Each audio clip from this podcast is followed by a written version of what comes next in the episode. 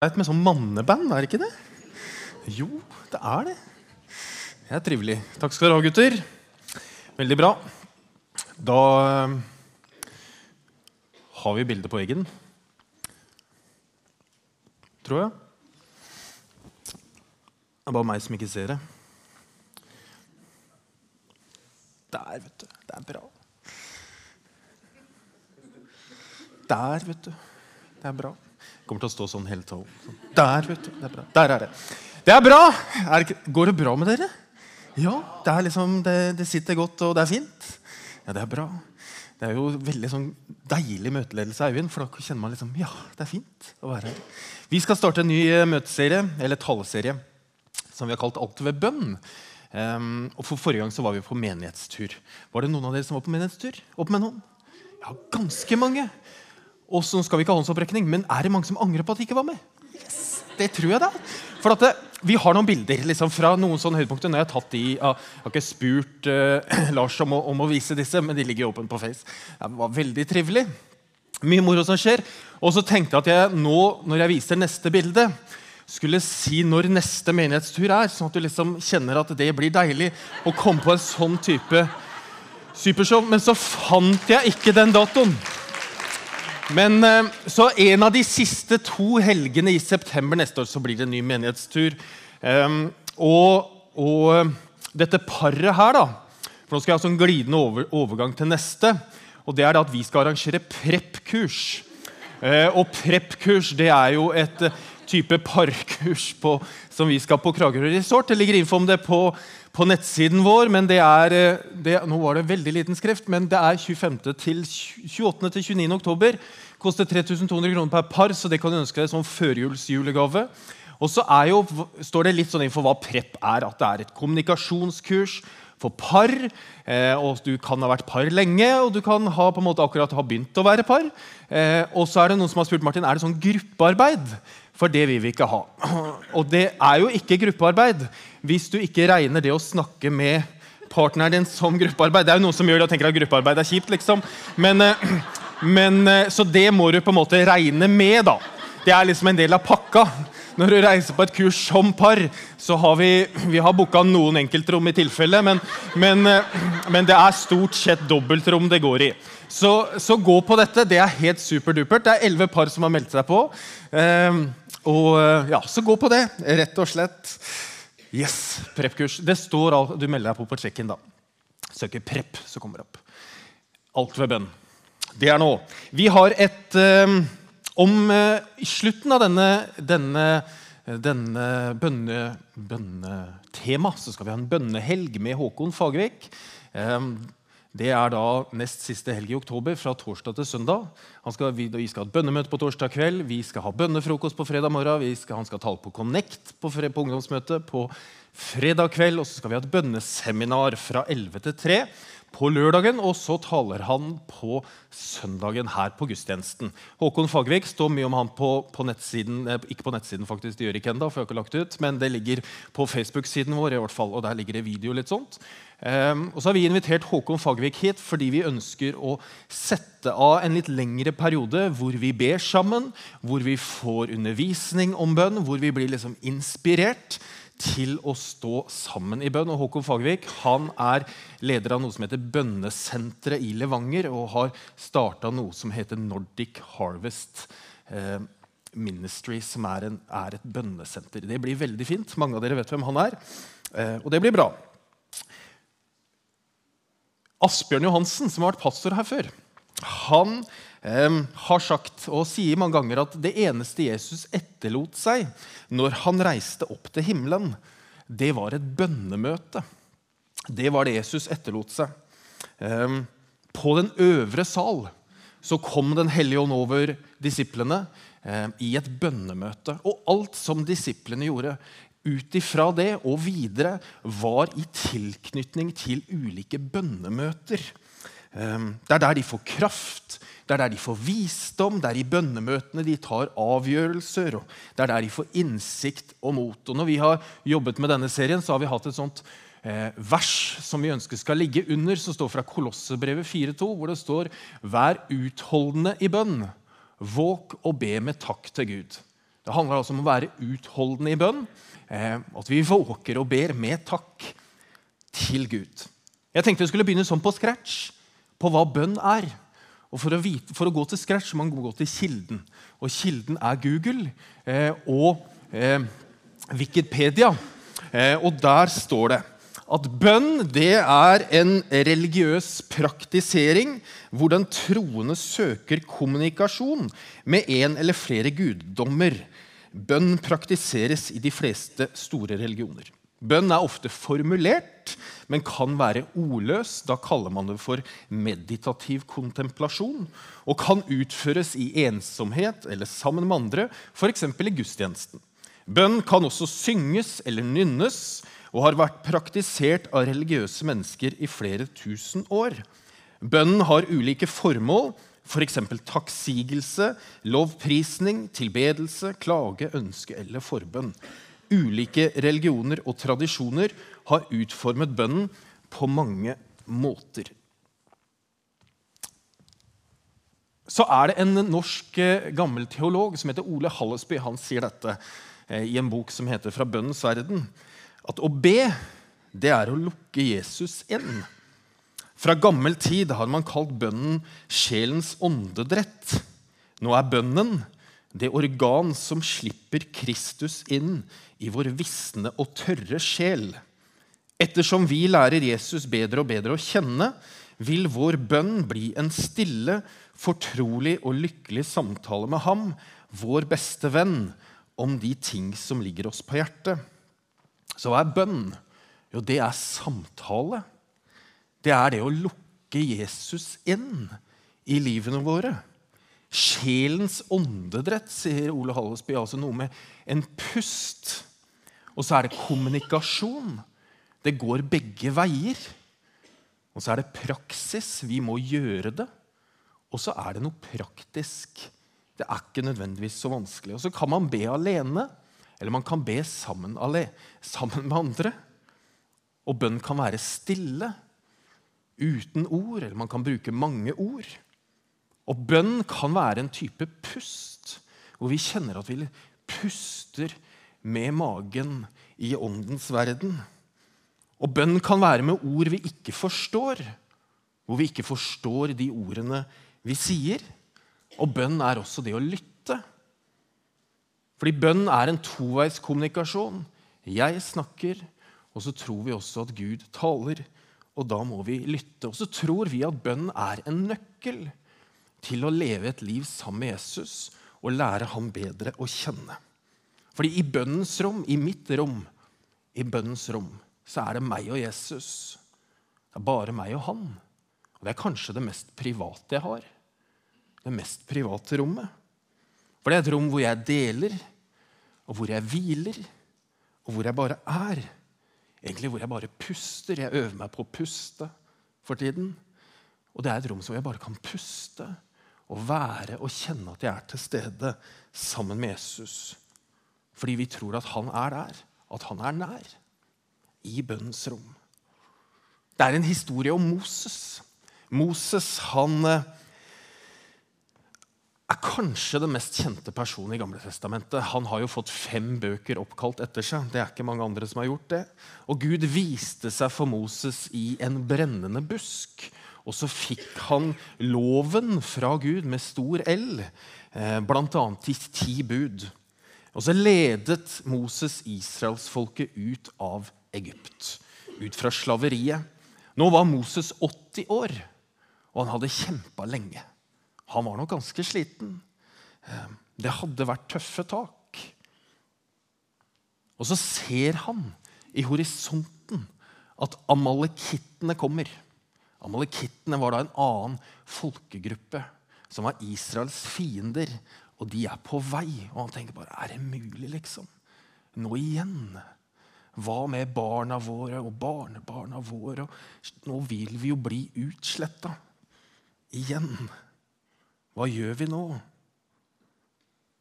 Og så er det en sånn type overraskelsesangrep, fordi han ser at nå har jeg kort tid. Og det Moses gjør, er at han får Josva til å komme.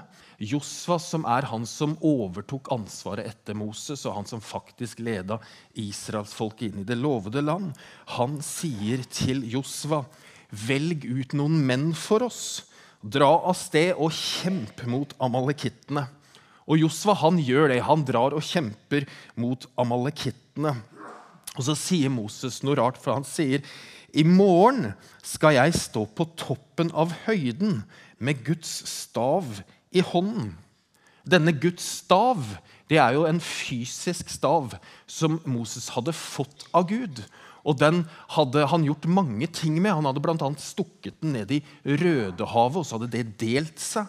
Han hadde fått beskjed om å slenge den på bakken, og så ble den til en slange. Og så, han, så sa Gud nå må du ta slangen i, i, halen, og så tok han den slangen i halen, og så ble det til en stav igjen. Og Mos, nei, Gud sa til Moses ta denne staven i hånden, for med den skal du gjøre tegnene. Og så sier han nå at han skal gå på en høyde eller på et fjell. Og så skal han stå med en stav i hånden. Og hva gjør han egentlig? Jo, Moses gjør det som Jeg har en datter på to år som heter Miriam. Og de gjør omtrent det samme. Fordi han løfter hendene i været. Han løfter hendene oppover. Oppover mot himmelen. Oppover mot noe større enn seg selv. Fordi nå trenger Moses hjelp. Det er en bønn om hjelp når han løfter hendene i været og sier 'hjelp meg'. Fordi når vi er redde, så gjør vi jo sånn. Når vi trenger hjelp, så ser vi etter noe større, noe som er oppover, og sier 'nå må du gripe inn'. Og her står Moses, da, 80 år, eh, sammen med, med en som heter Aron, som var broren hans, som var 83 år. Og så står de på dette fjellet og løfter hendene i været og så sier, og ber på et fjell om at Gud, nå må du hjelpe oss, for nå kommer disse. Vi trenger din overnaturlige hjelp, Herre. Hjelp oss. Ganske ofte så hører jeg eh, at, er, at, man gjør det så komplisert, det å be. Det hører jeg ganske ofte. Det er så vanskelig å be. Jeg vet ikke hva jeg skal be om. Jeg klarer det ikke. Jeg vet ikke hvordan jeg skal be. Jeg har gjort det vanskelig mange ganger selv og gjort det komplisert og syns det er vrient. Og I forkant av denne talen så har jeg spurt noen om hva de tenker om bønn. Hva tenker du da liksom når jeg sier bønn? Da fikk jeg mye svar, og noen sa at bønn er vanskelig. Jeg får det liksom ikke til. Og det å be fritt, det klarer jeg i hvert fall ikke. Jeg holder meg til Fader vår, og kjære Gud, jeg har det godt, sa en. Det er det jeg er vant til. Og en annen sa jeg strevde med bønn før, men nå ber jeg mens jeg trener. Det er de beste treningsstundene og bønnestundene jeg har. Så var det en som sa jeg ber alltid stille. Alltid inni meg. Jeg klarer ikke å be høyt med andre. Til og med kona klarer jeg ikke å be om. Jeg ber med, da. Jeg kan jo be om, kanskje det. Ja. Men jeg ber mye. Men jeg gjør det inni meg. Så var det en annen som sa at bønn er selve livet. Uten bønnen vet jeg ikke hvordan jeg hadde klart meg. Bønnen bærer meg og er helt sentralt i mitt liv. Så var det en som sa jeg liker tidebønner. Altså én eller flere skrevne bønner som jeg ber på ulike tidspunkt gjennom dagen. Og så var det en som sa jeg elsker å be om morgenen. Da har jeg en stille stund sammen med Gud, han og meg, og jeg og han. Da ber jeg for familien min, for vennene mine, for menigheten og det som skjer i verden. Og den siste sa jeg ber hele tiden. Helst i bilen. Stille eller høyt. er kanskje mitt beste sted. Er nesten som å gå til psykolog. Vet du at Bønn har ulike former, og man kan gjøre det på mange måter. Og så har jeg bare lyst til å si én ting, Hvis du liksom skal huske én ting etter denne talen, det er det at det går ikke an å be feil. Du kan ikke be feil. Du tenker, Skal jeg be til Gud Fader, Jesus som frelser eller en hellig Hvem skal jeg be til? Og Hvis man blander det, så tenker jeg da ordner treenigheten det opp med at det kommer til riktig sted. Det er ikke noe stress. Det går ikke an å be feil, dere. Det går ikke an. Men det jeg tror at Jesus ønsker, er å høre mer fra oss. At vi snakker med ham gjennom dagen. Eller på ulike måter, men at han opp at vi, at vi bruker som en psykolog da, eller som en venn, eller at vi snakker med den. At vi har kontakt. Og så tror jeg også det at Hvis vi er stille av og til, som jeg strever med, så kan vi faktisk høre av og til at han taler til oss gjennom en tanke eller en idé. eller På mange ulike måter. Og så Når jeg sier dette om bønn, så vet jeg at veldig mange av dere eh, har opplevd at man ikke får bønnesvar. Akkurat som meg. At eh, selv om jeg har bedt, så tapte jeg. Selv om jeg ba for noen som var i ferd med å dø, så døde de. Selv om vi ba for noen som var syke, så forble de syke. Og selv om vi ba for at vi skulle få det bedre i ekteskapet, så røk det likevel. Og selv om jeg har bedt, så stoppa ikke mobbingen. Og så lurer jeg på Hva er alternativet til bønn? Hva er alternativet til ikke å be?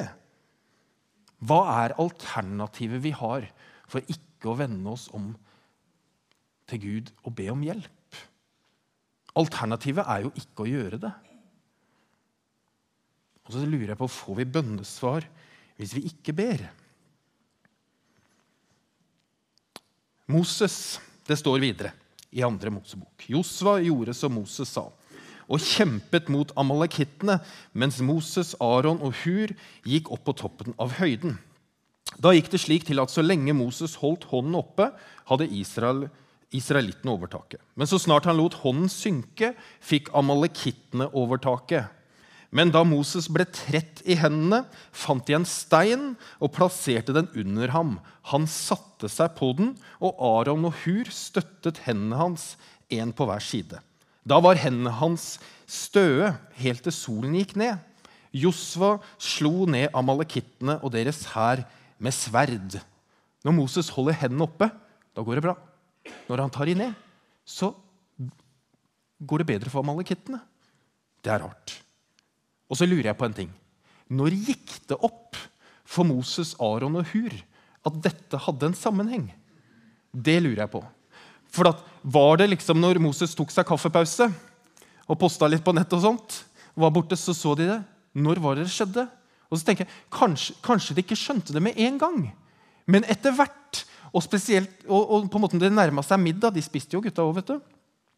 Når det nærma seg middag, kanskje, så skjønte de men, men, men Moses, nå må vi spise litt kjappere. liksom.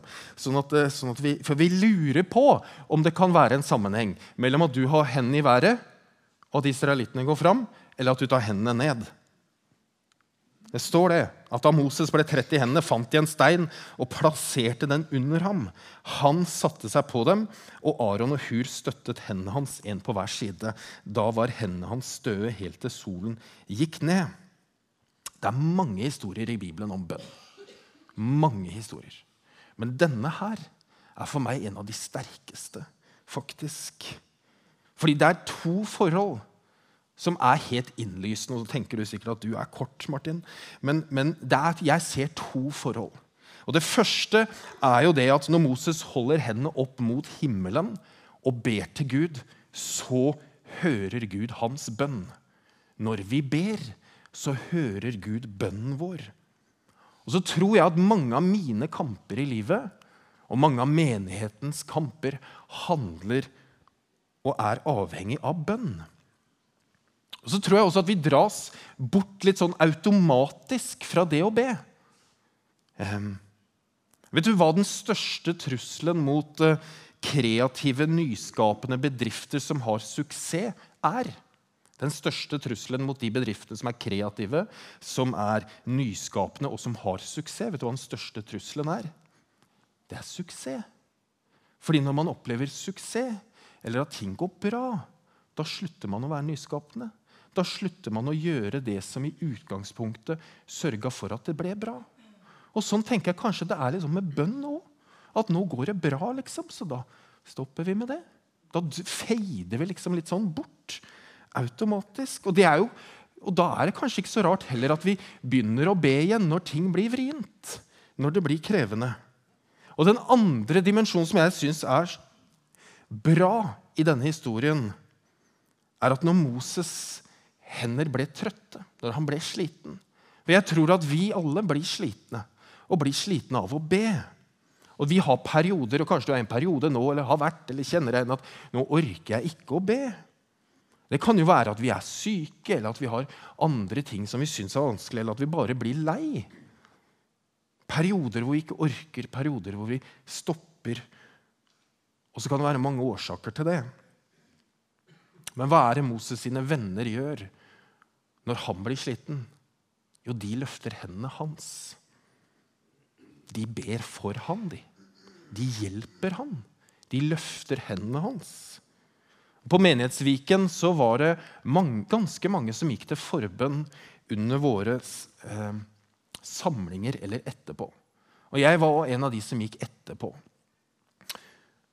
Og så er det noe fantastisk godt å bli bedt for. Og når noen sier til meg vet du hva, Martin, vi ber for deg Jeg vil be for deg. Hvis du er i en situasjon eller er i en setting hvor du kjenner at nå, nå, du, nå trenger at noen må be for meg, så kan du bare sende en tekstmelding. liksom. Så gjør vi det. Og jeg vet at det er mange som ber for meg og min familie, og vi, vi trenger det også. Um, og vi kjenner at dere gjør det. Um, men vet du hva? Du har mulighet til å be for noen i menigheten eller noen rundt deg og løfte de opp. Være med å løfte deres hender. Du trenger ikke kjenne de noe særlig engang. Men det kan jo være en konfirmant eller noen familier eller en ungdom eller noen pensjonister. Eller. Du kan være med å løfte noen opp. For jeg har et tips til deg hvis du syns det er vanskelig å be. Hvis du strever med bønnemotivasjon og lurer på om det virker, og du syns det er vanskelig, så er ett tips. Og det er å starte å be for noen andre enn deg selv. Hvis du syns det er vanskelig å be, så er det et godt tips, faktisk. Det, kom, det må jeg si selv. Ja. Men det å starte å be for noen andre Fordi det skjer noe i oss når vi ber for noen andre. For det handler ikke nødvendigvis bare om meg, men det handler om en annen. Som vi kan være med å løfte hendene på. Det er ikke mitt behov eller mine ting som jeg strever med, som er fokus, men da er det noen andre. Og jeg tror hvis du gjør det, så vil du bli overraska over noe som jeg ikke vil si. fordi da blir du ikke overraska. Men jeg tror du vil bli det hvis du starter å be for noen andre. Og Tenk på disse tre gutta. Moses, 80 år, Aron, 83 og Hur. Jeg vet ikke hvor gammel han er. Men som sa, 'Du er ikke alene, Moses. Vi står her sammen med deg på dette fjellet og skal løfte hendene dine.' og Vi vil stå sammen med deg. Tenk så flott! Og tenk hvis det kunne kjennetegne Skien misjonskirke. At vi, her ba vi for hverandre. Her løfta vi hverandres hender og, og sto sammen, skulder ved skulder. At vi, vi, vi løfta hverandre opp i bønn. Vi har jo mange spennende utfordringer her i kirken framover. Hvor liksom det mest presserende er liksom Nytt bygg-prosjektet, som er svært, og hvor vi kjenner virkelig at dette må vi be mye for. Men så har vi valgt å sette av nå fire uker til bønn. Hvor vi ønsker at det skal gjennomsyre aktivitetene våre, det skal gjennomsyre gudstjenestene, det skal gjennomsyre gruppene våre. At vi ikke bare skal snakke om bønn i gruppene, men at vi også skal be sammen. At vi skal mobiliseres, òg som igjen et sitat fra Asbjørn Johansen, at vi ikke bare skal ha våre egne bønner, sånne glør alene, men at vi skal samle de sammen. Fordi vi tror at hvis vi samler de sammen, så blir det en større flamme. At vi møter opp på bønnemøter, at vi ber sammen i grupper, osv. Så, så håper vi du vil være med og be for noen andre enn deg selv. Du må selvfølgelig be for deg selv òg. Men at vi løfter blikket og ser rundt oss. Skal vi be? Herre,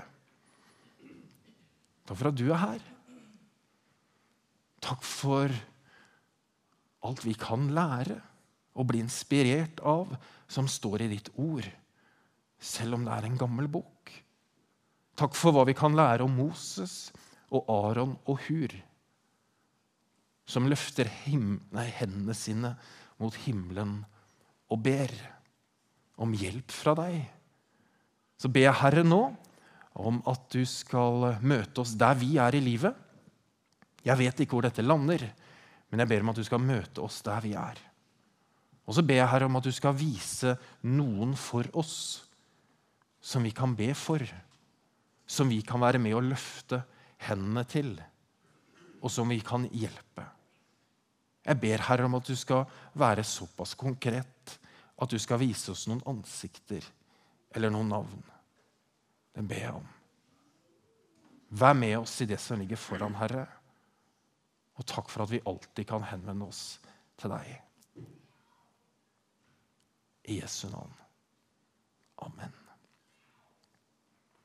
Nå skal Terje synge en sang for oss, så da kan du sitte og fortsette å være i bønn.